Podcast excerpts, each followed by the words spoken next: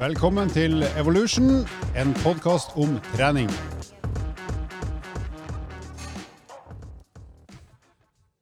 Hei sann, hei sann, Montebello, kunne jeg sagt, men det sa jeg ikke. Velkommen til Evolution podkast. Vi er inspirert av eh, Kirkvåg, Lystad Mjøen. Eh, Vi har sett på noen morsomme klipp her fra NRKs humorarkiv. Jeg trodde det var Montebello camping. jeg. er ikke det på Bogstad? Montebello camping er vel, Montebello, nei, eh, Bogstad camping nei, er på Bogstad. Montebello camping. Det er jo Bogstad camping er i det er Bogstad. på Gjøvik, Men Mjøsa, det Den er på grensa over til um, Charlottenberg, er det ikke det? Er det det? Ja, på grensa til Frankrike, med andre ord. Ja, vi elsker camping. Det er faktisk en TV-serie. Der er det Montebello camping. Vi er visst i gang. Mm. Eh, vi har forstått på record-knappen her. Altfor tidlig, høres det ut som. Hei på Velkommen på til Evolution! Sa den peneste oss. Han med skjegget. I hvilken kasse? Post. Riktig. Post- og fuglekassa. Eh, ja, gutta. eh, Det er jo enda nærmere jul enn det var forrige gang vi møttes. eh, og da er det vel på tide å kose seg litt mer enn vanlig, hvis det er lov og går an. Vi er snart i gang med Krist Mas. Det er vi faktisk. Så det er jo noen lyttere som lurer på hva vi koser oss med når vi skal bare ete drittmat og bare nyte smaken og glemme alt som følger etterpå. Jeg legger én føring før vi i hele tatt presenterer hva vi skal si. Innføring eller avføring? Begge deler. Yes. Tacobagett, ikke lov å nevne. Nei, det skal være godteri-godteri. Ikke sånn eh, gulrøtter og dill og dall med dipp. Det skal være skikkelig godis som er usunt, men godt. Holiday dip. Det skal være minimum 50 sukker. Ja, ja, ja. Andreas, hva spiser du? Hva liker du? Hva, hva, skal jeg, hva skal jeg si? Topp tre Ja, du må si det du liker best av godteri. Topp tre godteri. Mm. Topp tre godteri. Uh, er, er for eksempel er potetgull på Ja, lista? ja, ja. ja. Ja, da uh, Jeg har jo Du hører at du kan få Nittedal potetgull. ja, Sorry. Eh, Sips. er det sips? Nei, det er dips. Sørlandssips. Sørlandssips. Uh, det er faktisk Det er på lista. Men hvilken smak? Og hvilken produsent? Eh, den oransje. Altså den som er bare salt. Ja. Eh, og så har, jeg en, faktisk. så har jeg en tre-fire andre. Ja, ok, du skal få ta Men, flere. men, nei, men altså eh, b- som jeg kan veksle mellom. Men det er den jeg alltid faller tilbake på. Det er litt sånn som Grandiosa for meg. Det er den vanlige 80% av tilfellene, men du tar av og til noe annet. Som Ja, er- Av og til så får du Da er det super sips innfall. supersips. Fordi. Da tar du, da tar du den pepperoni. Lars er våken i dag, vi snakker om godteri. Lars, du må våkne. Godteriet kommer. Uh, nei, uh, nummer tre. Uh, Sørlandsjibs. uh. Eller potetgull, som det heter i Nittedalen. Eh, og så Så det er tredjeplass. Det er tredjeplassen. Okay. Nummer dos, det er uh, sjokkis. Sjokkis. Ja. Hva? Sjokkis? Ja, det kommer, det kommer. Slapp av.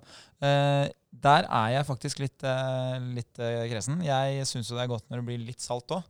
så den nye Hør på hipsteren. Ja. melkesjokoladen med sånn havsalt, det er, det er meget bra. Ellers så er jeg en, eh, en firkløvermann. Vi, viktig presisering. Touch. Touch av Havsalt. Den eh, firkløveren skal være iskald som fra kjøleskapet, ikke sant? Uh, Nei, den skal være lunka. Fordi eh, jo varmere den er, jo mer smaker det. Jo kaldere den er, jo mindre smaker det. Jeg vil Så, ha kald, for da sprekker både nøttene og sjokoladen. ok. Nummer én, ikke Nøtteknekkeren. du elsker. Men eh, nummer én, det er selvfølgelig en ren pose med sukker. Og da ikke dansk sukker, men smågodt. Å, fy flate. Det Men fins smågodt uh, var Nei, da, jeg tipper jeg har en 11-12 varianter som jeg skal ha. Og det beste er jo hvis du f.eks. kommer over Candy King som akkurat er fylt på, sånn at smågodtet er ferskt. Jeg skjønner at det høres litt rart ut å, å snakke om ferskt smågodt, men ja, Jeg skjønner hva du mener, faktisk. når du trykker på det, så tenker du sånn hm, Det har ikke ligget på bensinstasjonen her siden 1997 og venta på meg. Nei, for da er det seige som skal være seigt, og ikke hardt, Ja, f.eks. Når du, når du må brekke de leppene, f.eks. Hvis det er lov å si. Hvis det er lov å si. Eller, eller at du plutselig har eh, vingummi som har blitt pastiller. Det er ikke, ikke veldig godt. så derfor Når du blir kvitt forkjølelsen av vingummi, da har det gått for langt. Og så en, en sånn fantastisk runde for å få i seg mest mulig godteri. Da, det er den du starter med å spise litt smågodt. Så spiser du til du er lei. Så spiser du sjokolade. Så spiser du potetgull. Og da når du kommer til potetgull, har du fått i deg såpass mye salt og fett at da er du bare gira på å kline til med litt smågodt igjen. Så den loopen der kan du kjøre en tre-fire runder, og da står du i fare for å måtte dra på Akershus eh, festning og bli pumpa. Og kvelden avsluttes av med en gin tonic og et par sigaretter. Kanskje ikke på Akershus festning, men jeg håper du hadde på sjukehuset. han krabber opp på gutterommet på Du havner på Victoria terrasse, tenker jeg. I likhet med andre. Det er lenge siden noen har blitt pumpa på Akershus festning. Lars, Jeg spiser ikke godteri. stemmer det? Mm. Vi slutta i lunsjen. Spiser ikke grønnsaker, spiser ikke smågodt eller gutt. Nei, Nei du åh, Har jeg lov å si is? Ja, ja, Ja, klart det. så da har jeg tredjeplassen min. Um, den pallen her er faktisk veldig tight. Det er mange runners up men eh, det, eh, der går jeg for en, eh, en god, gammeldags fløteis. Ben Jerry. Han Ben, faktisk. Med For jeg kan kombinere med noe, som jeg òg er fryktelig glad i. Som du legger oppå isen? Nei, nei, nei, nei, nei, nei. I isen. Det er Jerry. Det er nesten. Tom nesten. og Jerry. Tom og Jerry, ja. Det er kjeks, det. Eh, nei, det er cinnamon buns. Fantastisk, men jeg tror ikke han fins lenger. Jeg finner meg fall ikke. Så hvis dere lytter der ute, veit hvor man kan få tak i Ben Jerry med cinnamon buns, tell me about it. and Send bilde hvor det fins, spesielt i Oslo. Det er ikke jeg, jeg som er hipster, Alvor. Nei, jeg tror det der fins i Florida, faktisk. Nei, det, Så bare sett deg på toget. I Florida. fantastisk, for du kan Nei, jeg skal ikke forklare mer. Eh, nummer to Der havner nok Smash. Jeg er veldig glad i Smash. Ja, det er ikke tvil om at du er hipster. her. Ja, men det, det er et eller annet med det Hellstrøm lærte meg. Det skal knase litt òg. Du har, du har sett hvordan Hellstrøm ser ut, han som vi- visstnok kan så mye om mat. Fins det en mindre trent mann i Norge enn han Hellstrøm? Jeg tenker på Håkan Hellstrøm. Ah, right. Trommeslageren i Beatles. Mm, stemmer det. Der gikk lyset opp òg for deg. Eh, Nei, eh, Smash, så litt sånn søtt og salt. Nydelig. Mm, kombinasjonen. Slikke av, eller suge av sjokoladen, og så crunch. Ja, Nei, da er vi ferdig her i Juntafil. Og Nummer én er faktisk eh, hvit Toblerone. Ja, jeg er veldig glad i det. Så når Peter kunne komme og spurte eh, når skal jeg ha betaling, så sa jeg jeg skal ha betaling i hvit Toblerone. ikke verst. Eh, som dere skjønner Hvit sjokolade, altså. Ja, han Lars han sitter da eh, i en hipsterbolig på Grünerløkka med oss på long distance. Eh, min rekke er kort og følelsesløs. Ostepop er en god tredjeplass. Med gaffel. Eh, nei, jeg spiser med fingrene, for da kan jeg slikke av mine fingre på hver tiende ostepop. Uh, og så er det potetgull med paprika. Enten superkips med dips, eller altså chins og dips. Eller så er det den fra Mårud. Den er også god. Uh, og den siste er Stratos porøs og fin. Det var min topp tre-liste. Så Spennende liste. Ikke så, ikke så Jeg hadde egentlig forventa sånn gullbrød og troika. Og Jeg kunne sagt Långrin, men det er ingen som vet hva det er. Jeg klarer ikke å google engang. Men det var en sjokolade som var god i gamle dager. tysk. Jo, her fant jeg. Nå, det er er det her jeg leita etter. Altså, uh, når Lars sier at han spiser Smash, spiser han da egentlig potetgull og sjokkis? Er egentlig pallen til Lars underkjent? Sombreros. For det er jo sombreros kledd i sjokolade, er det ikke det? For de som vet hva sombreros er, det er Ja, jo men det er ikke en- ostesmaken. Hva er det mais? Sombreros har jo ostesmak. Ja, men jeg søkte jo på maispotetgull. Ja, så dere skjønner her, folkens, så eh, har det sklidd helt ut i innledninga. Men vi tar sjansen på å eh, gå videre. Så etter å ha snakka om godteri, som tydelig var noe som eh, engasjerte rundt bordet her Så trenger vi forbrenning. Ja. Eh, Det jeg bare vil avslutte med, da, det er jo det som veldig ofte er en opplevelse Peter har, meg selv inkludert, og helt sikkert dere to òg. Det er jo at eh, i starten av en relasjon med en ny kunde, så dukker det veldig opp, eh, ofte opp sånn ah, Spiser du godteri? Og da pleier jeg å si hm, jeg er kanskje den beste du kjenner til å spise godteri. så, Skulle bare visst, du. eh, Ja, så det her er vel den sannheten som uh, egentlig eksisterer, men som kanskje ikke er kjent for alle. Det kundene sier til meg. Å, går du også naken rundt på Ekeberg? Nei, de sier 'Å, er det du som er han som går naken rundt på Ekeberg', sier de. Det som er viktigst at dere skal ta med dere, det er, som jeg pleier å si, altså først yte, og så kan man nyte. Sier han som bare planlegger trening.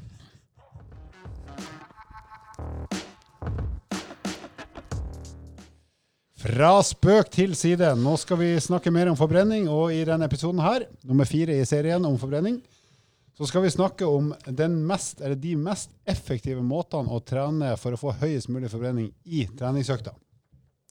Og Da begynner vi innledningsvis med å bare si sånn kjapt hva er det som på en måte kjennetegner de bevegelsesformene eller treningsformene som, som eh, kan gi og gir høy forbrenning. Eh, det ene er at du bruker størst, så store deler av kroppen som mulig, altså bruker store muskelgrupper. Gjerne i en vedvarende bevegelse, altså dynamisk bevegelse. Ikke så mye start og stopp, men bare holde i gang over tid. Og så er det at du må ha en viss intensitet. Så uansett form så er det klart at jo høyere intensitet, jo større forbrenning, rett og slett for at du gjør mer. Og ikke minst så er det lurt å ha kroppsbærende aktivitet. Vi kommer inn på noen som ikke er direkte kroppsbærende, men det at en aktivitet er kroppsbærende, er i utgangspunktet fornuftig. F.eks. For det å gå, da flytter du på egen kroppsvekt ved hjelp av egen muskelkraft. Så de fire tingene, store muskelgrupper, vedvarende bevegelse, ganske høy intensitet og kroppsbærende aktivitet, det er smarte valg når du skal velge å trene for å forbrenne mest mulig. Og så er det en siste faktor, og det er at du gjør bevegelser du behersker. Så f.eks. hvis du ikke kan ro på romaskin, så er det ikke et smart valg å begynne å ro for å trene hardt og forbrenne mye før du har lært deg å ro godt teknisk.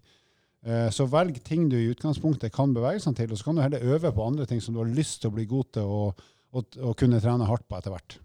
Det her er jo da vanligvis et tema som, eh, som engasjerer uh, lytterne i stor grad, men også PT-kundene. Så det her er jo noe man bruker mye tid på å snakke om uh, under PT-timene.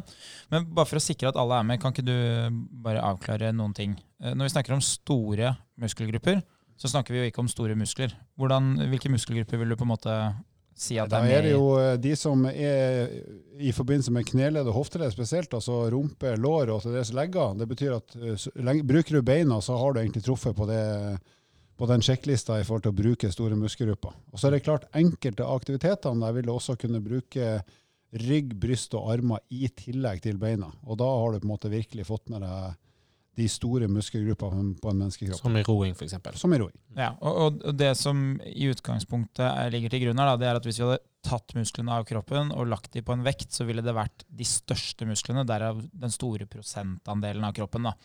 Eh, og hvis vi sier vedvarende bevegelse da, eller aktivitet, eh, kan du bare lage noe sånn, en enkel forklaring på hva, hva er vedvarende, og, og hva er liksom hvilke aktiviteter er det egentlig vi Ja, jeg- ikke velger? Ja, så Da snakker vi en eller annen form for kondisjonsaktivitet, utholdenhetsaktivitet, der du kan holde på i mange mange minutter, kanskje opp til en time eller to eller mer, uten noe særlig pauser. Kanskje du i noen treningsvarianter eller treningsøkter har pauser, men det er egentlig bare for å kunne gjenta en lengre sesjon av av økta med høy intensitet.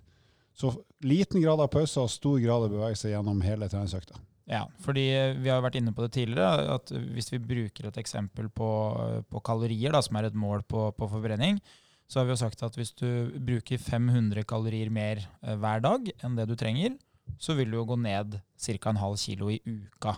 Eh, og, og da hvis vi snakker om vedvarende aktivitet da, og bevegelse for å bruke kalorier, så en sånn enkel måte å, å lage et eksempel på er jo at eh, kanskje man klarer å bruke 10-12 kalorier i minuttet hvis man eh, jogger, men man klarer kanskje i snitt bare å bruke 5-6 kalorier hvis man hadde valgt en litt vanskelig aktivitet, eller en aktivitet som starter og stopper hele tida, sånn som f.eks. styrketrening. Som er veldig bra i de minuttene hvor du gjør aktiviteten, men som har veldig dårlig effekt i de minuttene hvor du venter for å hvile og hente deg inn før du skal fortsette. Eh, og så er det den siste. da, Nå, nå begynner vi å få kontroll her. ikke sant? Store muskelgrupper, vedvarende bevegelse. Så snakka vi litt om intensitet, og det handler jo om at uh, vi ikke må ha alle de pausene. Og så er det da kroppsbærende aktivitet. Hva, hva tenker du på da? Det er jo sånne ting som er lett for oss Peter å si, at ja, vi må velge noe som er kroppsbærende, men hva betyr det egentlig? Så Det betyr egentlig at du bruker egen muskelkraft på å flytte på kroppen. Så det å gå eller løpe vil jo typisk være en aktivitet der du bruker dine egne muskler på å flytte på deg sjøl, egentlig. Men sykkel egentlig ikke er det. For hvis du f.eks. sitter i nedoverbakke og triller, så har du høy fart eh, uten at du trenger å gjøre noe som helst. Så det er tyngre igjen på flata og i motbakkene, så det blir en, en sånn type delvis kroppsvernende aktivitet, men der blir det terrengavhengig. Det kunne vært det samme på ski. Hvis du sklir ned en nedoverbakke, så koster det ikke så veldig mye, for at den farta får du på en måte gratis, men så blir det mer kostbart igjen å bevege seg på flata og oppover. Så det er ski også en sånn delvis kroppsbærende aktivitet. Så er det viktig å påpeke akkurat det Andreas sa med hvilke muskelgrupper, og de store muskelgruppene er fortsatt i bruk i beina på en sykkel. Definitivt. Ja, ja. Absolutt. Så, så det vi egentlig sier, da, det er at for at du skal få lov å være på en sånn typisk eh, toppliste, da, eller for at du skal få lov å være eh, en av de aktivitetene som da rangeres høyest, så skal store deler av kroppen brukes i prosent. Altså store deler av de store musklene, gjerne rumpelår og, og kanskje litt overkropp, men, men det må være mye av musklene som brukes. Og så skal du holde på lenge uten pauser. Så egentlig så skal det være litt sånn kjipt, da, for det her er jo noe som pågår lenge. Og det skal pågå med høy intensitet, så det skal ikke være altfor trivelig heller. Det skal faktisk koste deg litt. Og så skal det gjerne være en aktivitet som er litt tung. Altså da, for eksempel det å, å løpe er jo ofte litt tyngre enn å sykle. Derfor er løping kanskje bedre enn sykling hvis det hadde vært samme eh, person som hadde gjort begge deler. Så da tenkte jeg vi kan gå gjennom de mest effektive treningsformene eh, som treffer på flest mulig av de punktene her. Og da kan vi jo enten velge å starte på toppen eller å starte litt lenger ned. Så jeg tenker vi kanskje starter litt lenger ned og jobber oss oppover på lista. Så eh, Spare det beste til slutt. det beste til slutt, nemlig eh, salt og søtt. Eh, da har vi en aktivitet som eh, kan være veldig effektiv hvis du har god teknikk. Det er stakemaskin. Det er jo et apparat som har kommet inn på treningssenter nå de siste fem-seks årene, som etterligner da denne stakebevegelsen eh, på ski. Og de aller fleste stakemaskinene egentlig, ser ut som en romaskin, bare satt litt sånn eh, på hodet. Så du har tatt tak i to håndtak og skaper størst mulig kraft over tid. Så, sånn sett så ligner det litt på roing, men det bruker jo kroppen på en helt annen måte. Og den er i utgangspunktet mulig å forbrenne ganske mye på hvis du er i god form, og hvis du er god til å stake. Eh, så hva er erfaringa der, gutta, med å bruke den sjøl, og kanskje brukt den på noen kunder dere trener òg? Jeg har brukt det en del, med, og grunnen til at jeg har brukt en del både med kunder og meg sjøl, er jo eh, fra CrossFit, altså treningsformen CrossFit. Eh, sirkeltrening satt litt i system, så er jo dette et av apparatene som ofte blir benytta. Spesielt er det kombinasjonsøkter hvor kondisjon og styrke og ulike bevegelser er satt sammen. Um, så Concept 2 har jo utvikla uh, et, et, apparat som CrossFit har på en måte linka det veldig tett mot. Um, og um, med god grunn, fordi det selvfølgelig utfordrer kondisjonen og overkroppsstyrken på en litt annen måte enn det f.eks. roinga vil gjøre.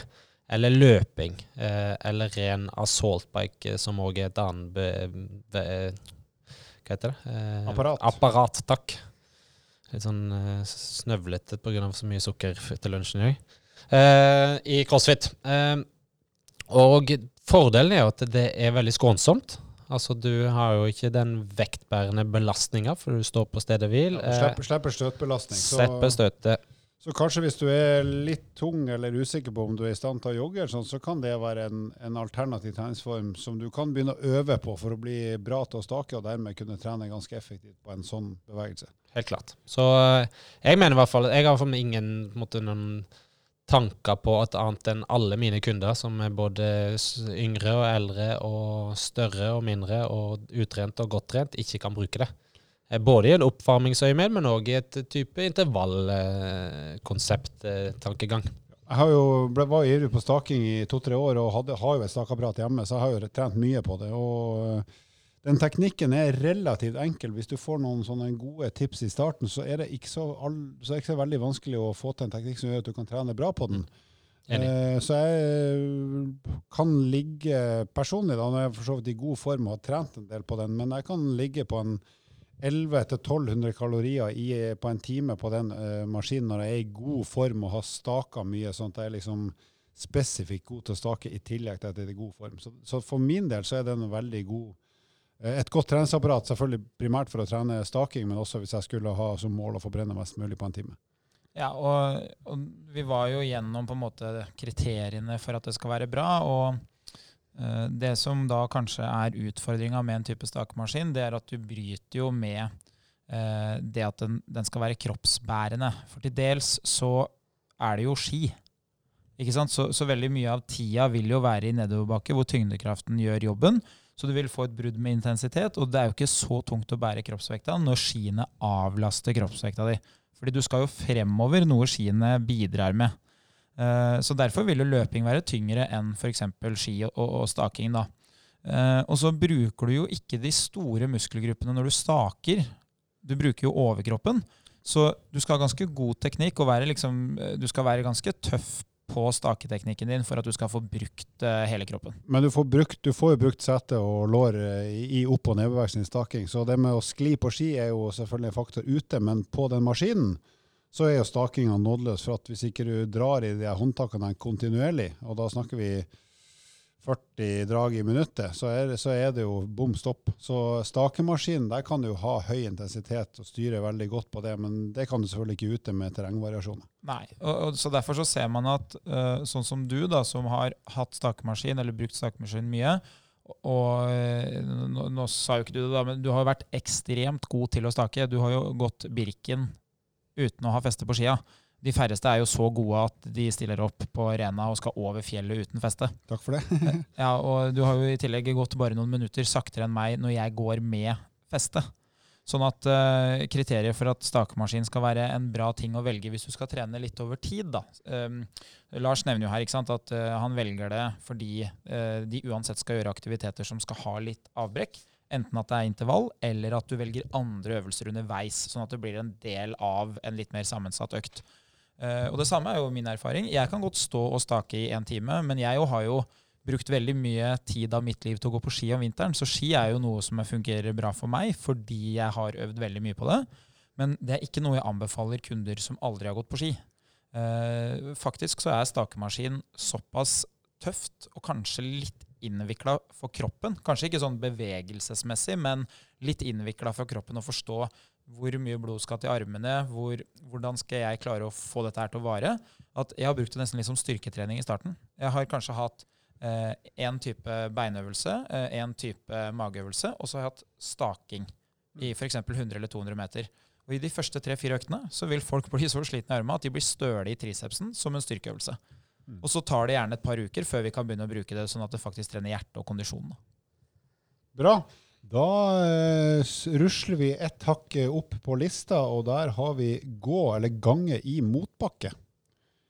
Og hvorfor havner den eh, på lista vår? For er det på lista vår, så er det i utgangspunktet bra. Så hva er det som er så bra med å gå i motbakke, kontra å gå flatt, f.eks.? Her kommer jo da prinsippet i forhold til vektbærende og store muskelgrupper, komplekst med beina, og ikke minst at du løfter da din egen kroppsvekt eh, oppover eh, i eh, gitt hastighet. Um, så vi, Jeg kan bruke et visuelt bilde der òg. Vi så jo, og vi har prata litt om f.eks. challengen vår, der jeg og Henning til dels kunne gå i eh, oppoverbakke med vår kroppsvekt, som er litt mer enn Andreas, ca. 10 kilo nesten. Eh, og kunne nesten gå Eller vi kunne gå på lavere eh, hastighet, men oppoverbakke, og likevel forbrenne nesten det samme som Andreas, som løper ganske fort, flatt, i forhold til sin kroppsvekt. Og her er det jo uh, min erfaring både med meg sjøl og med folk jeg har trent, og, og andre som jeg kjenner. Uh, så er det her en glimrende måte å trene kondisjon og forbrenning på hvis formen ikke er helt tipp topp. Og hvis du er usikker på om du kan løpe, eller bør løpe sånn i en startfase, så kan du jobbe knallhardt eh, i motbakke uten at du får noe særlig støtbelastning. For det er tross alt gangfart, så du slipper de her eh, kraftige støtene når foten treffer bakken som du nødvendigvis har når du løper på flata. Så hvis du går bratt nok og heller skrur ned farta til gangfart, så får du trent veldig effektivt både hjertepumpa, som vi kommer til å snakke mer om i et par senere episoder, og, og ikke minst det her, du klarer å skape ei høy forbrenning selv om du i, i gåseøyne bare går. Så du Andres, har jo nevnt et par ganger her at hvis du, hvis er på mølle, da, som mange er, så er det sånn at for, hver andre prosent stigning så tilsvarer det røftlig 1 km i timen i fart. Så hvis du f.eks.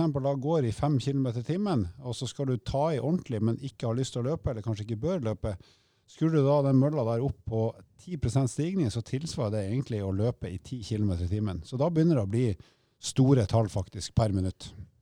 Ja, og, jeg har jo brukt det her òg veldig mye på mine kunder, som jeg er litt usikker på om én tåler belastninga av å løpe, for da får vi, som vi har nevnt i tidligere episoder, den lille svevfasen mellom hvert steg. Så det blir mye større jobb for, eh, for muskulaturen og for støttefunksjonene i kneleddet, hofteleddet.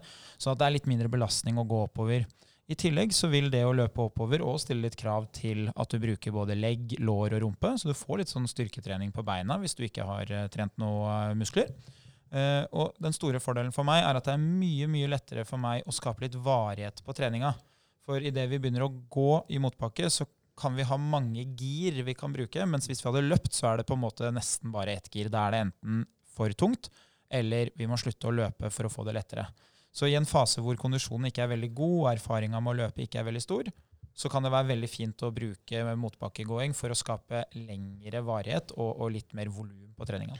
Så har vi jo snakka om Ruth og Henning da, som de her eh, teoretiske personene vi, vi, skal eksemplifisere med. Så i forhold til deres form, og sånn som vi har omtalt dem fram til nå, så vil jo gange i motbakke kanskje være det mest effektive de kunne ha gjort sammen eller hver for seg, for å ha hatt uh, treningsøkter med høy forbrenning og, og, stor grad av formforbedring. Og der kommer jo det vi er inne på i en episode her med tanke på belastninger, totalbelastninger, ved at de kan kjøre flere økter på rad dag for dag for dag med ulik, ulik intensitet, unnskyld, eh, og ved å bare justere det i forhold til hvor tøff belastningen blir i forhold til kroppsvekta. Uh, med tanke på at vi da ganger det ikke tre til seks med kroppsvekt på, på løping, men én til to i forhold til å gå en viss eh, gradient, altså oppoverbakke. Ja, og, og, da er jo spørsmålet igjen men hvis gange i motbakke er så bra, hvorfor gjør ikke alle det? Uh, og det som da er kanskje den lille nedsida med, med gåing i motbakke, det er at idet formen begynner å bli god nok til at du kunne ha løpt, så begynner òg kondisjonen å bli så bra at hvis du skal trene med en belastning som er tøff nok til at kroppen skal kunne bli bedre på sikt, så ender du opp med å enten måtte gå fortere, og det har jo sin begrensning. Hvis det blir for, for høy fart, så må du jo løpe. Eller så må du gå brattere og brattere. Og det som skjer når du øker helningsgraden på enten mølla eller om du faktisk er ute og går i fjellet, da, det er jo at når det blir brattere, så blir det tøffere for hjertet, men det blir òg veldig mye tøffere for muskulaturen.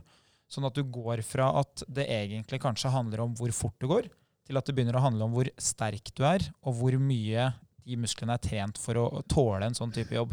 Så det blir ofte veldig tøft for legger, lår og rumpe hvis det blir for bratt. Så hvis du tar meg da, og kjører meg inn i en 20 eh, helning og skal ha meg oppover bakken, så, så, er det ikke sikkert at jeg egentlig når maks av pulsen og kondisjonen min. Men det kan hende leggene mine faktisk ikke klarer å være med på den jobben. Det er ikke noe tvil om at det er leggene dine som ikke klarer å være på den jobben.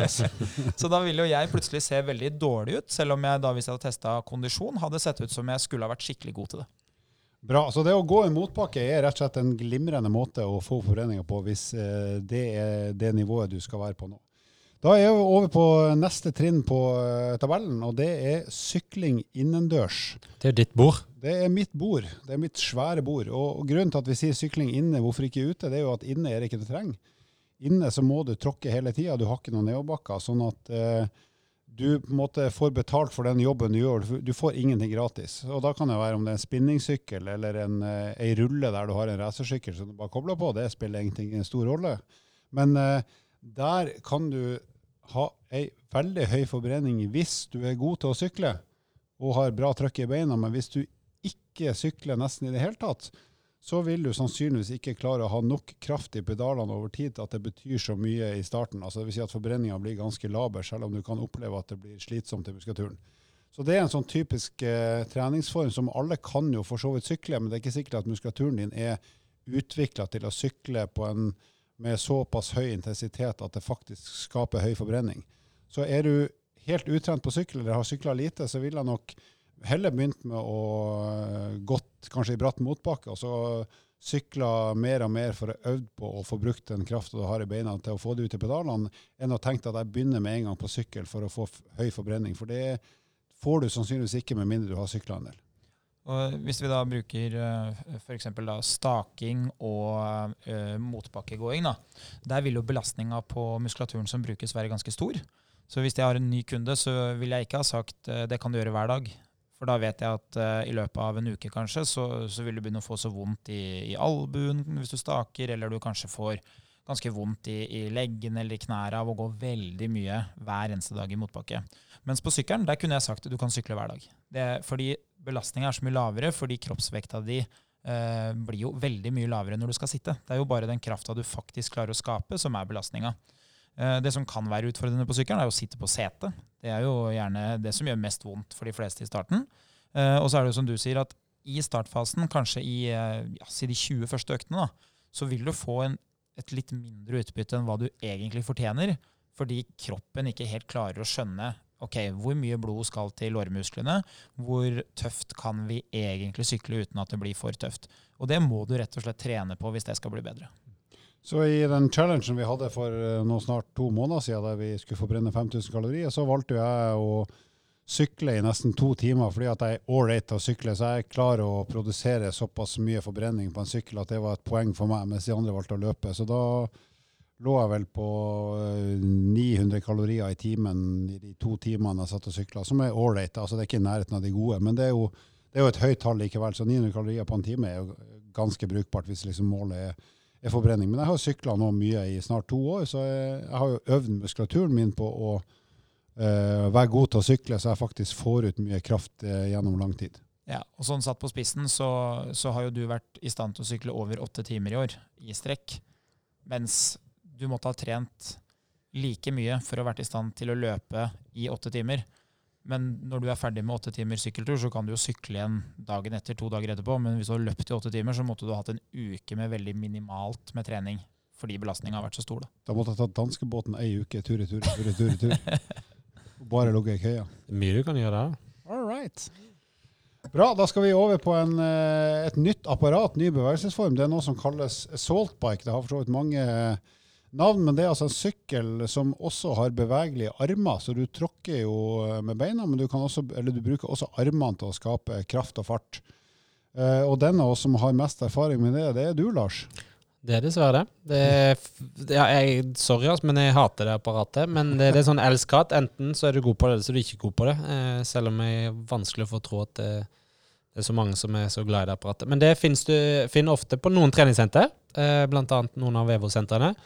Eh, og så finnes det ofte i crossfit-miljøet. Eh, det vil si, det er ofte brukt i kombinasjon med andre bevegelser. Det er ikke egne, som ofte er egne rene økter med assaultbiken, for den er ofte kombinert med andre, fordi den krever såpass mye. Det er vanskelig å holde en høy intensitet over lengre tid, for den blir relativt spesifikk. For det du må eh, legge til her, altså for å ha en høy intensitet, så må du skape en ganske stor kraft, og da blir også motstanden stor. Så du styrer egentlig din egen motstand ved å produsere så og så mye watt eh, gjennom beina, og ikke minst ved å trekke med overkroppen, for der er det en trekkpressbevegelse med annenhver arm. Eh, selv om de eh, håndtakene vil jo gå i utgangspunktet av seg sjøl, men da er det veldig tungt å sykle kontra å sitte på en vanlig sykkel. Så der må du produsere alt sjøl ved å både trekke opp, dra og presse med beina. Altså det som gjør at den her på en måte slår vanlig sykling inne, er rett og slett at du kobler på overkroppen òg. Så det er, ikke, det er ikke bare beina som får jobbe her, men det er overkroppen. Og klart, da blir jo da får hjertet et problem, for det skulle gjerne levert masse blod både til overkroppen og beina, og det, så mye blod har vi jo ikke. Nei. Så det blir liksom litt for lite overalt. og, og veldig fort veldig slitsomt, eh, særlig hvis man eh, skal ta i ordentlig. Og dere kjører vel ofte ganske korte intervaller, tidsperioder med veldig høy intensitet, og så hopper dere over til en annen øvelse. Ja, og stort sett er det. Så de gangene jeg har brukt det på, på mine utøvere som jeg programmerer for, eksempel vi skal bruke alpinist som et eksempel, eh, så, så har vi kjørt korte spurter. Så vi har en, jeg skal gi et lite kort eksempel, uten at vi skal bruke det nå, men det er 10 sekunder på, 50 sekunder av, 20 sekunder på, 40 sekunder av, 30 sekunder på, 30 sekunder av. Og så hopper vi opp og ned, så jobber vi opp til 50 sekunder på 10 sekunder av, og så ned igjen. Så kanskje kjøre den to eller tre sett. Så da er det rene sprinter med høy, eh, kast ut et nytt eh, uttrykk, altså da vil jeg si ofte uten oksygen, det vil si anaeropt, altså det blir over det som vi kaller melkesyreterskel, der vi produserer da mer melkesyre-laktat enn du klarer å eliminere. Derfor blir den ofte veldig tung å, eh, å utføre. Så Grunnen til at denne den her liksom ikke er en soleklar ener, for det kunne han kanskje på mange måter vært, er at det er rett og slett vanskelig å, å holde på over lang tid, med mindre du er veldig godt trent og veldig vant til rett og slett for at du blir, det blir så fort så slitsomt at du må ha relativt hyppige pauser. Ja. Men isolert sett en glimrende forbrenningstrener i de sekundene eller minuttene du kjører han inntil du må ha pause. Så blir det litt sånn som Andreas var inne på i sted, det blir såpass spesifikt, for det er lokal muskulatur både i overkroppen og beina. Eh, ref at å få flytta nok oksygen til de aktuelle musklene, at det, det blir for eh, Du må trene veldig mye for å være god i denne bevegelsen her. Og det, i crossfit-miljøet så trener man ikke bare eh, Eller crossfit-form, treningsform, så trener man ikke bare assault bike. Det er mye annet som òg involveres. Ja, det er kettlebell swing òg, ikke Det, det man ser da i, i den, eh, den formen for trening som det assault bike er, er jo at Uh, man kunne jo liksom ha satt seg ned med penn og papir og sagt ok, eh, kriteriene for høy forbrenning det er eh, bære egen kroppsvekt, det er uh, høy intensitet. Uh, altså Du kunne, laget, du kunne designa en øvelse. Problemet er bare at på et eller annet tidspunkt så vil den øvelsen du har lagt opp til, den vil skape så mye belastning. Altså Det vil være så mange muskler samtidig at du har jo ikke nok blod i kroppen til at alle musklene kan få eh, nok blod. Og det som skjer eh, da, er jo bare at eh, hvis du hadde vært litt mer restriktiv til hvor mange muskler som er med, så kunne du holdt høyere trøkk. Det, det er litt sånn eh, Sammenlign det gjerne med liksom å, å, å skulle gjøre flere ting på én gang, eller konsentrere seg om én ting. Eh, det, man ser jo ofte at man kan legge litt mer trøkk på hvis man har færre ting man skal fokusere på. Og sånn er det med kroppen òg. Så derfor så, så får ikke Assultbiken eh, toppscore, fordi det er ingen som noen gang kommer til å, til å få det til å bli så bra som om de hadde gjort noen av de andre tingene som kommer seinere på lista. Da, rett og slett. Enig. Og da er vi over på topp tre. Altså tredjeplassen eh, i kåringa vår, det er ellipsemaskin. Det er jo ikke ditt bord, Halvor. Det er definitivt mitt bord. Og det er jo da rett og slett et apparat der du går på Du bruker beina, eh, har de på to pedaler, så kan du justere vinkelen og steglengden. Sånn at du går Det er nesten som å ta løpesteg i sånn skrå motbakke, men, eh, og du kan gå fort, du kan gå sakte, og du kan justere motstand. Så du kan gire litt sånn som på en sykkel.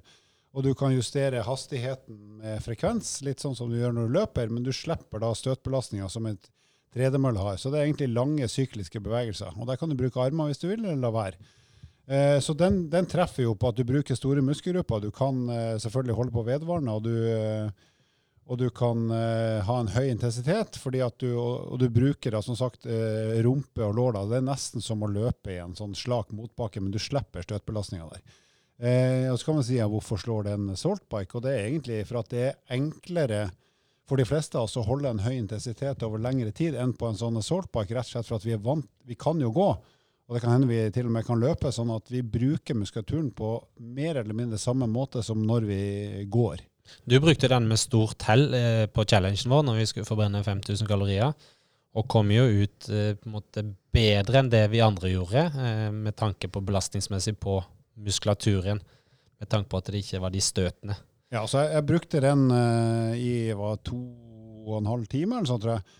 Eh, og lå på en forbrenning på rundt 950 kalorier i timen. Eh, nå har jeg trent mye på den, for jeg har vært mye skada når jeg har løpt, så jeg har alltid brukt den som alternativ trening til løping, både for å få volum i løpinga, og spesielt når jeg har fått hemstringstrekk, som jeg fikk hele tida for noen år siden. Så da ble det mye ellipsemaskin. Så den er litt sånn som sykkel. Har du trøkk i beina uten å være løper, så får du gjort masse på den, og så er den litt enklere å få til mye på en sykkel, fordi at du egentlig går gåjoggeløper på en maskin uten støtbelastning. Så bevegelsesmønsteret er nesten kliss lik som løping. Og det, vi skal ikke dra for langt i den retningen, men det, det kan være verdt å ha med seg og kunne bruke det apparatet. Eh, F.eks. i et skadeøyemed, men òg for å for variere belastninger som det løping gir. Altså Vi har jo flere toppidrettsutøvere som bruker ellipse egentlig ganske mye, overraskende mye i sitt treningsarbeid hva kommer til å øke både prestasjonen, men òg et eh, ja, rehabiliteringsøyemed. Så mitt tips til de som ikke er kjent med ellipsemaskinen og vil prøve den, så prøv å gå ganske fort. Ha høy frekvens. Og så jobber du med motstand og så giring etter hvert som du liksom får jobba inn en høy frekvens. Så vil jeg personlig anbefale å ikke bruke de armene som eh, vingler frem og tilbake på de fleste apparater, for det vil bare begrense farta på beina. Så jeg personlig har bare armene som i en joggebevegelse, eller så holder jeg meg fast i de håndtakene som er i midten der, sånn at beina kan få jobbe så fort de bare vil. Og da er vi over på andreplassen på pallen, eh, og det er romaskin, eller roing. Så vi snakker da primært om romaskin, siden det er det enkleste å styre, for da slipper du å ha vann og, og båt og sånne ting. Og den igjen av oss som bruker det mest, er nok du, Lars. Eh, ja, jeg har, fall har brukt det ganske mye. Eh, selv om det så ikke sånn ut på challengen, dessverre. Der klarte jeg ikke å produsere så enormt mye kraft og watt, men eh, det er noen andre faktorer som er årsaken. Eh, men romaskin, ja. Eh, innledningsvis så kan vi jo si at det er kanskje det apparatet som involverer flest muskler av, eh, av alle. Eh, tallet er vel reell 90 par og 90 tror jeg, Ja, hvis ikke helt riktig. Eller, alt. Ja. så, og det er vel kanskje bare svømming som en bevegelsesform som er i nærheten, sånn, hvis vi skal ta en bevegelsesform. Eh, men det er igjen involverer jo alle de største muskelgruppene. Eh, både overkropp og underkropp, altså bein og overkropp. Eh, du må produsere mye kraft med beina. Eh, det er vel en fordeling 60-70 tror jeg, eh, skal komme fra beina. Eh, og så skal overkroppen ha ca. 20% og så skal armene ha 10 Ja, så du, du skaper egentlig starter liksom akselerasjonen med å sparke fra med bein og sette, og så følger resten av kroppen etter. Yes, og det mange misforstår der, er jo at det meste skal For, for, veldig mange så produseres den største krafta for overkroppen ved at vi lener oss litt bakover, og så kommer armene og trekker. Så det igjen det spesifikke i bevegelsesformen eh, kan for mange føles litt eh, tungt. Eh, med tanke på at det blir så lokalmuskulært i forhold til spesielt overarmene. Eh, kanskje biceps, triceps og litt i ryggen, kanskje. Eh, så det blir jo litt sånn som andre bevegelsesformer, eh, at man bør trene litt på den for å få en hensiktsmessig og ikke minst en effektiv te teknikk for å kunne sitte der over lengre tid og få da en treningseffekt, og ikke minst da kanskje en forbrenningseffekten. Um, jeg for min del uh, igjen refererer jo til crossfit-miljøet. Den, den er brukt ofte som en et eh, kondisjonsfaktor når man skal teste det og bruke det i de ulike øktene, kombinert med styrke og andre, uh, f.eks. gymnastikk. Eh, og da er det òg lagt opp til at man både har litt kortere eh, arbeidssekvenser, men òg ganske lange sekvenser. Vi hadde jo en økt her på eh, CrossFit VM der de ble utfordra til å kjøre en maraton på roeren. Eh, det vil si, det tar ganske lang tid for de som eh, skjønner hvor langt en maraton er. Altså det er x antall meter. Det er jo flere timers jobb. Det er vel to-tre timer i hvert fall. vel? ja, jeg tror de beste var vel, vel to timer, eh, mens Tror- snittet tror jeg var rundt tre timer. Jeg tror 230 sirkus, som var liksom Det det var meget bra å Ja. gli inn på 230. Altså, og, og det som er med roing, det er som du sier, Lars, at det øv på det. For at du kommer ikke til å være kjempegod første gang, men du blir bedre og bedre og bedre. Og da er det igjen sånn tips. Ikke, Du kan vanligvis justere den motstanden i den vifta fra 1 til 10, så ikke begynn med maks motstand og bare dra til, for da stivner du med en gang. Så begynn gjerne å øve på roing på en lav motstand, altså sånn 3, 4 eller 5 på den der vifta, sånn at du ikke blir stokk stiv. Det er som å sykle på tyngstegiret første gang du prøver, det er ikke noe lurt. Og heller finne en frekvens du er komfortabel med, og når det begynner å sitte, og du blir vant til å sitte på det setet som ikke er sånn superkomfortabelt, så eh, er du sannsynligvis i stand til å begynne å legge på litt fart, altså utvikle mer kraft og begynne å trene. Men, men gi deg sjøl tid til å venne deg til bevegelsen. Så vi har jo en sjef her, han heter, han heter Morten. Han har fått seg romaskin hjemme nå, så de første fem ukene så var treningsprogrammet hans tre ganger i uka å sitte og ro rolig i 30 minutter per gang, bare for å bli vant til å ro. Eh, og nå går det helt fint, så nå er vi over på å lage intervallvarianter av den økta der. Men, men det er ikke noe vits å begynne med intervaller før du på en måte har blitt komfortabel med både arbeidsstillinga og, og bevegelsesmønsteret. Så nå Mm. begynner det å funke fra Morten. Det som er verdt å, å nevne her, er jo faktisk, eh, apropos liksom å bli vant til apparatet og trene på det, er at eh, Concept 2, som er en leverandør av et type roapparat, eh, har noen spill inne på, eh, på di, eh, displayet sitt. Eh, Et av de tror du har testa det, Andreas. Jeg har testa det veldig mye, for det har vi brukt mye på crossfiten, og det er Fish Game. Fishing, fishing game. Der du skal fange fisker ved å ro, enten sakte, rolig, og så litt raskere, og så må du dra litt frem, og tilbake. Det kan være en litt sånn morsom måte å kanskje prøve apparatet hvis ikke man har prøvd det så mye før. Mitt mål eh, for den podkasten her i år det er at vi skal få en eller annen fra Concept inn her som gjest. Og så skal vedkommende få lov å forsvare det der drittspillet Fish Game. Det er jo helt umulig. Det, det går ikke. Altså Til alle de som lytter på nå og som tenker hva er det du snakker om, prøv på romaskina neste gang. Sett på Fish Game på Concept romaskin, Så prøver du det spillet, og så tar du bilde av det, så sender du til meg, og så forklarer du meg hvordan det der funker.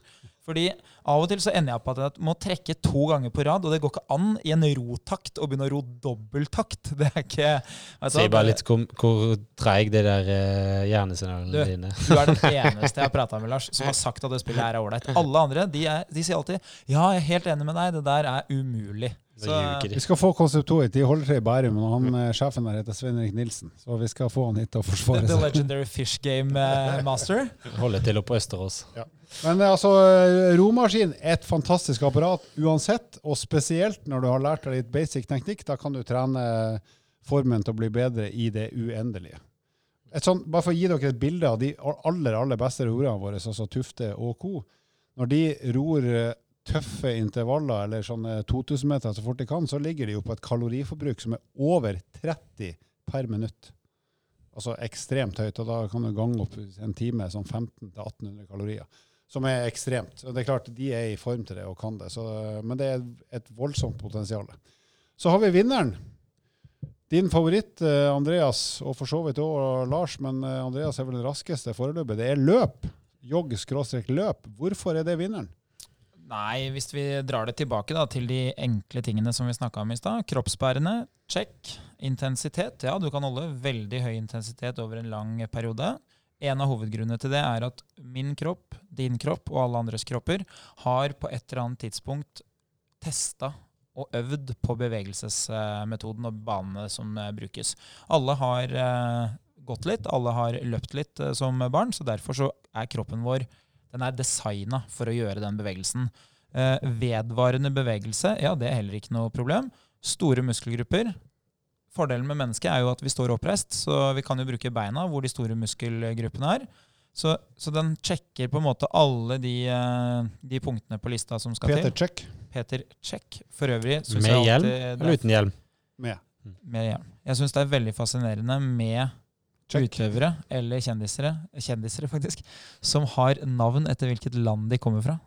Ikke sant? Runar Nordmann, Peter det, ja, det, altså, det er, det er Andreas Skjetne.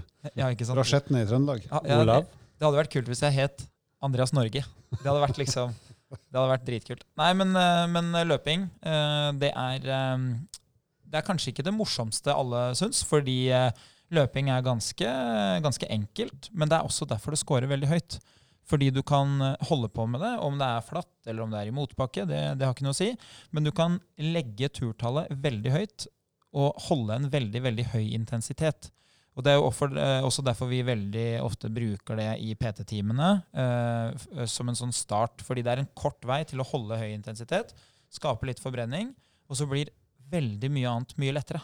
Det er mye lettere å trene styrke etter du har trent litt intervall, fordi da koker det ikke så fælt inn i kroppen. Og så er det fine også med løp, da, det at når du, hvis du f.eks. løper ganske hardt og må roe ned litt, så trenger du ikke å stoppe opp, sånn som du ofte må gjøre med en del annet prat. Da kan du enten bare jogge rolig eller gå fort. Da holder du fortsatt forbrenninga i gang, og bevegelsen foregår. Du, bare, du kan justere farta mye enklere, og egentlig justere intensiteten veldig enkelt og presist, sammenlignet med mye annet. Eh, og der eh, kommer kanskje tipset om tre- og Når man kjører inne, vi er jo inne i en tid der det, det er naturlig å gå inn på et treningssenter og trene på tredemølle. Og det å justere intensiteten, f.eks. ved å ta ned hastigheten, opp med stigningen, eh, vil jo da være en stor fordel i forhold til eh, dagens eh, tema i forhold til, eh, i forhold til forbrenning. Eh, hva kommer til, og det er ofte lettere å holde oppe kalle intensiteten eh, ved å gå i motbakke og ikke la måtte, beina gå så fryktelig fort. Ja, ja. Og Hvis vi tenker da Ruth og Henning, som er de her eh, testpersonene våre, så er jo det sånn at i dag er de kanskje i stand til å enten gå veldig fort, eller kanskje begynne å jogge i rolig fart. Og så vil målet være å få de til å jogge litt fortere og litt fortere, og så etter hvert, istedenfor å bare øke farta igjen, så kanskje vi holder på joggetempoet, men vi øker bare mot, altså vinklinga på, på mølla eller motbakken, sånn at de får gjort mer og mer uten at de nødvendigvis trenger å løpe fortere og fortere. Mm. Som gjør det skånsomt. Så selv om du er litt tung, men du kommer i gang på et joggenivå, eller når du kommer dit, så er ikke svaret på å bli bedre nødvendigvis å bare øke farta, men du kan, som du sier, Lars, eh, øke vinklinga på mølla, eller finne deg en bakke å jogge i som gjør at du har utvikling både i forbrenninga og form. Jeg har et godt eksempel. Jeg har tre eh, mannfolk. Eh, både noen blitt bedre form, og noen ikke like god form, og i alle størrelser i forhold til vektklasse. Og vi kjører eh, en gang i uka eh, motbakkeintervaller med, med stor eh, hell. og, Både eh, det psykologiske, for det er dritgøy å gå, komme tilbake når kanskje ikke har løpt så mye før. Altså Disse her er godt voksne. Eh, det vil si, jeg skal ikke si noe alder, er rundt din alder. 70 pluss.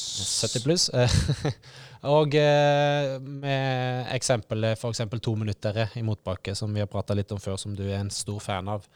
Eh, x antall ganger og x antall sekunder, minutter i forhold til pause. Og da, to av de, de går med 10% i stigning og 7 i hastighet, og han ene løper med samme stigning og bare litt høyere hastighet. Og det er dritgøy. Ja, så trøsta for de som er gode til å sykle, men ikke så gode til å løpe, men som kan løpe tross alt, det er jo å gjøre sånn som jeg har gjort noe, gjør noe en gang i uka, at jeg, løper, eller jogger, i bratt, bratt eh, stigning på mølla for å få den ene løpeøkta i uka for å både ha høy forbrenning og for å gjøre noe med hjertepumpa mi. Så da får jeg litt bruk for den styrken og kondisjonen jeg har i forhold til sykling, men på en sånn måte på mølla at at jeg har glede av det, ikke bare blir motarbeida. Mm. Så det var toppen av lista. og Da er det noen som kanskje lurer på ja, men hvorfor er ikke, hvorfor er ikke svømming her? Hvorfor er ikke styrketrening med her? Eh, Andreas, hvorfor er ikke svømming og styrketrening med på denne topplista? Nei, vi er jo inne på noe som vi snakka om litt uh, tidligere her, og det er at uh, de øvelsene for det første bryter litt med kriteriene som, som må være på plass. da. Uh, det må jo være kroppsbærende, og, og, det får du på en måte ikke i de aktivitetene. men så handler det i stor grad om det man kan kalle for kompleksiteten, da, eller vanskeligheten i å bli god. Eh, jeg har jo tidligere fortalt om uh, hvordan jeg prøvde å svømme litt uh, på, på, sydentur. Uh, hvor jeg syns det er helt jævlig, om jeg kan si det så. Altså Jeg svømmer på en intensitet, altså en opplevd følelse, som tilsier at det jeg driver med, det er knallhardt for kroppen min. Jeg, jeg klarer nesten ikke å fortsette, og det kan hende jeg står i fare for at jeg har svømt såpass fort at jeg er nødt til å avbryte etter 10 minutter istedenfor 30 minutter.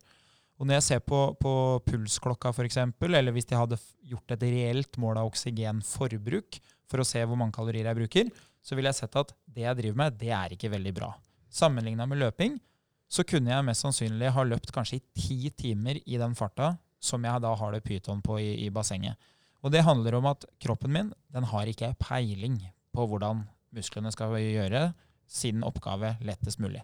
Så, så, Derfor så vil ikke en del sånne aktiviteter være på lista. Ja, så du får oppdrift i vannet, rett og slett, så det er ikke kroppsbærende i det hele tatt på den måten. Uh, og så er det vanskelig teknisk, sånn veldig banalt oppsummert. Men hva med styrketrening? Det er jo kjempetungt. Altså Hvis jeg trener knebøy, så blir jeg jo sliten. Ja, det stemmer det. Uh, og mest sannsynlig så hadde knebøy kunne vært på topplista over forbrenning hvis du hadde klart å knebøye sammenhengende med høy intensitet i lang tid.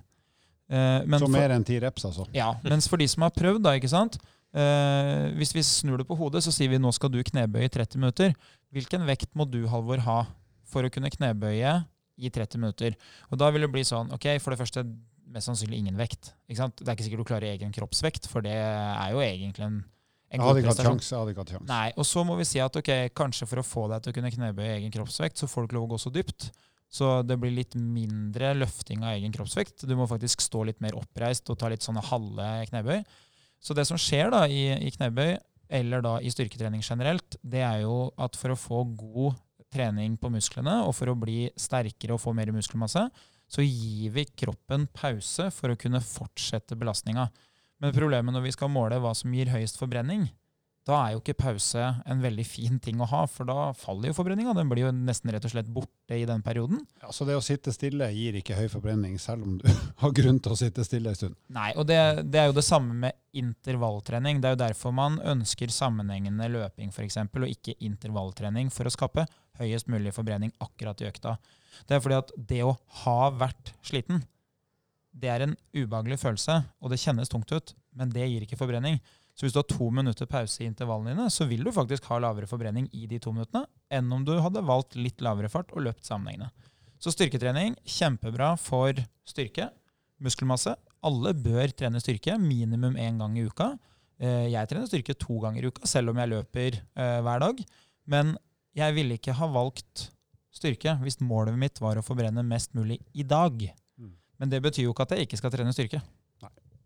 Bra. Da har vi vært gjennom ei eh, hva skal vi kalle det, ei topp sju-liste, faktisk. eh, Som starta med Stakamaskin og endte opp med jogg og løp.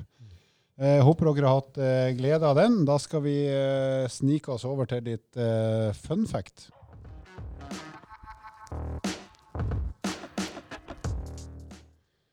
Straks fun fact, og før det minner jeg om at vi har konkurranse der du kan vinne Door, Door Gym fra treningspartner. Det er fem vinnere som får det, og vi trekker vinnerne rett før jul. Og for å være med der, så gir du oss eh, rating på Spotify eller iTunes. Eh, eller så sender du oss eh, spørsmål eh, som vi kan prøve å besvare, enten direkte eller i sending, til eh, Evo Fitness på Instagram eller Facebook, eventuelt på evolution.no. Så det er bare å sende inn rating, og så er du med i konkurransen. Du trenger ikke å gjøre mer enn det. Eh, Da har vi en aldri så liten fun fact, og det er, har ikke noe med trening å gjøre, men det har med barn å gjøre. og Det er sånn at en gjennomsnittlig fireåring skal visstnok eh, stille ca. 450 spørsmål per dag. Eh, Det er ganske mye. Når kanskje ingen av oss husker hvor mye tøv vi spurte om da vi var fire år. Men heldigvis er det jo 450 spørsmål. Jeg, klager, jeg har ikke så mange svar engang, uansett hva spørsmålet er. Jeg har jo noen unger sjøl. Innspill fra deg, Skjetne. Du har jo alltid vært nysgjerrig. Jeg er jo en, eh, en spørrer. Det har jeg jo fått beskjed om både som voksen og som barn. Men eh, det veldig mange bør ta lærdom av, da, hvis det er lov å gjøre det, kanskje ikke 450 i antallet, men eh, når du skal trene f.eks., og du skal velge hvilken type aktivitet du skal gjøre, da er det riktig tidspunkt å stille seg spørsmålet Hvem er jeg? hvorfor det? Ja, hvem er jeg? Hvorfor det? Og kanskje hva er det jeg ønsker å oppnå? Og det er jo det vanligste spørsmålet jeg som PT stiller mine kunder når de sier 'hva er best'? Så sier jeg 'hva er det du ønsker å oppnå'? Skal du bli sterk? Skal du løpe fort? Skal du ned i vekt? Skal du føle deg bra? Skal du velge noe du lykkes med, eller kanskje noe du ikke kommer til å lykkes med? Da er spørsmålene riktig å stille. Der stilte du sju spørsmål på ti sekunder, så jeg tror du er fortsatt nysgjerrig. Vil du bli som meg? Vil du bli som deg? Jeg vil jo si at Som far da, så vil jeg si at heldigvis så eh, reduseres antall spørsmål eh, fra fireårsalderen. Sånn at jeg håper jo at jeg etter hvert får svar på de 450 spørsmålene, sånn at de ikke lurer på så mye når de er 10-12 Du kan tenke på det at det er mer enn to i timen i snitt. Et helt døgn. Ja, det er mye mer enn to. Eh, men det er slitsomt, for som sagt, jeg kan nesten ikke svare på noe som helst. Så svaret mitt er som regel det er bare sånn det er, og så får det bli sånn det blir. Da er vi ferdig for eh, nå. Håper dere eh, har eh, hatt glede av episoden, og så høres vi snart igjen. Send inn spørsmål til oss på Evo Fitness. Vi finnes både på Instagram og Facebook. Og vær grei å abonnere på podkasten på Apple Podcast eller Spotify.